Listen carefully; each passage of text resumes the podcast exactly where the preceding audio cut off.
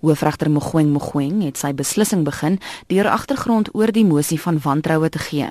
Hy verduidelik dat Mbete 'n mosie van wantroue goedgekeur en geskeduleer het, maar sy was glo onder die indruk dat sy nie die konstitusionele mag het om die stemming in geheim toe te laat nie. On 30 March 2017, invoking his constitutional powers, the president dismissed the Minister of Finance, Mr. Pravin Gordhan, and his deputy, Mr. Mcebisi Jonas. After their dismissal, our economy was downgraded to a sub-investment grade, and it was largely because of the economic downgrade that three of the political parties represented in the National Assembly asked the Speaker of the National Assembly to schedule a motion of no confidence in the President. She agreed and scheduled it for 18 April 2017. On 6 April 2017, the UDM wrote a letter to the Speaker. She was asked to prescribe a secret ballot as a voting procedure for the scheduled motion of no confidence in the President.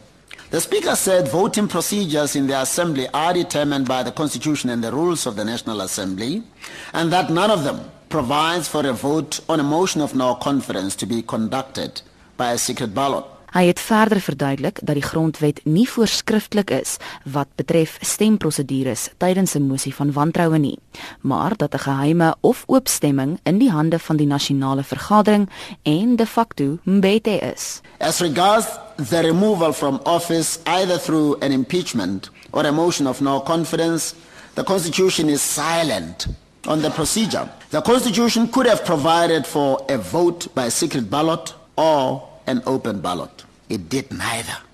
Why did the Constitution not prescribe the voting procedure in a motion of no confidence?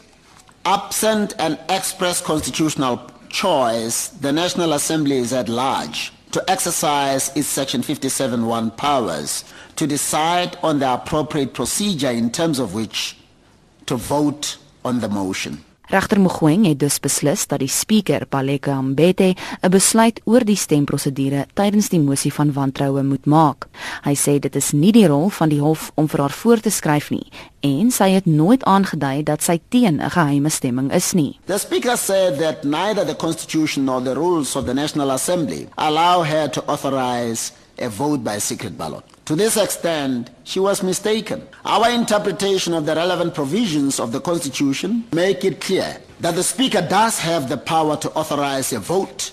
The exercise of that power must be duly guided by the need to enable effective accountability, which is in the best interest of the people and obedience to the Constitution. The Speaker has made it abundantly clear that she is not averse to a motion of no confidence in the president being decided upon by a secret ballot. Mogoeng het verskeie probleme in ons demokrasie uitgelig wat hy sê die behoefte aan 'n mosie van wantroue verklaar. Hy sê so 'n mosie is dikwels net die swaard oor die kop van diegene wat die mag het om hulle optrede aan te pas.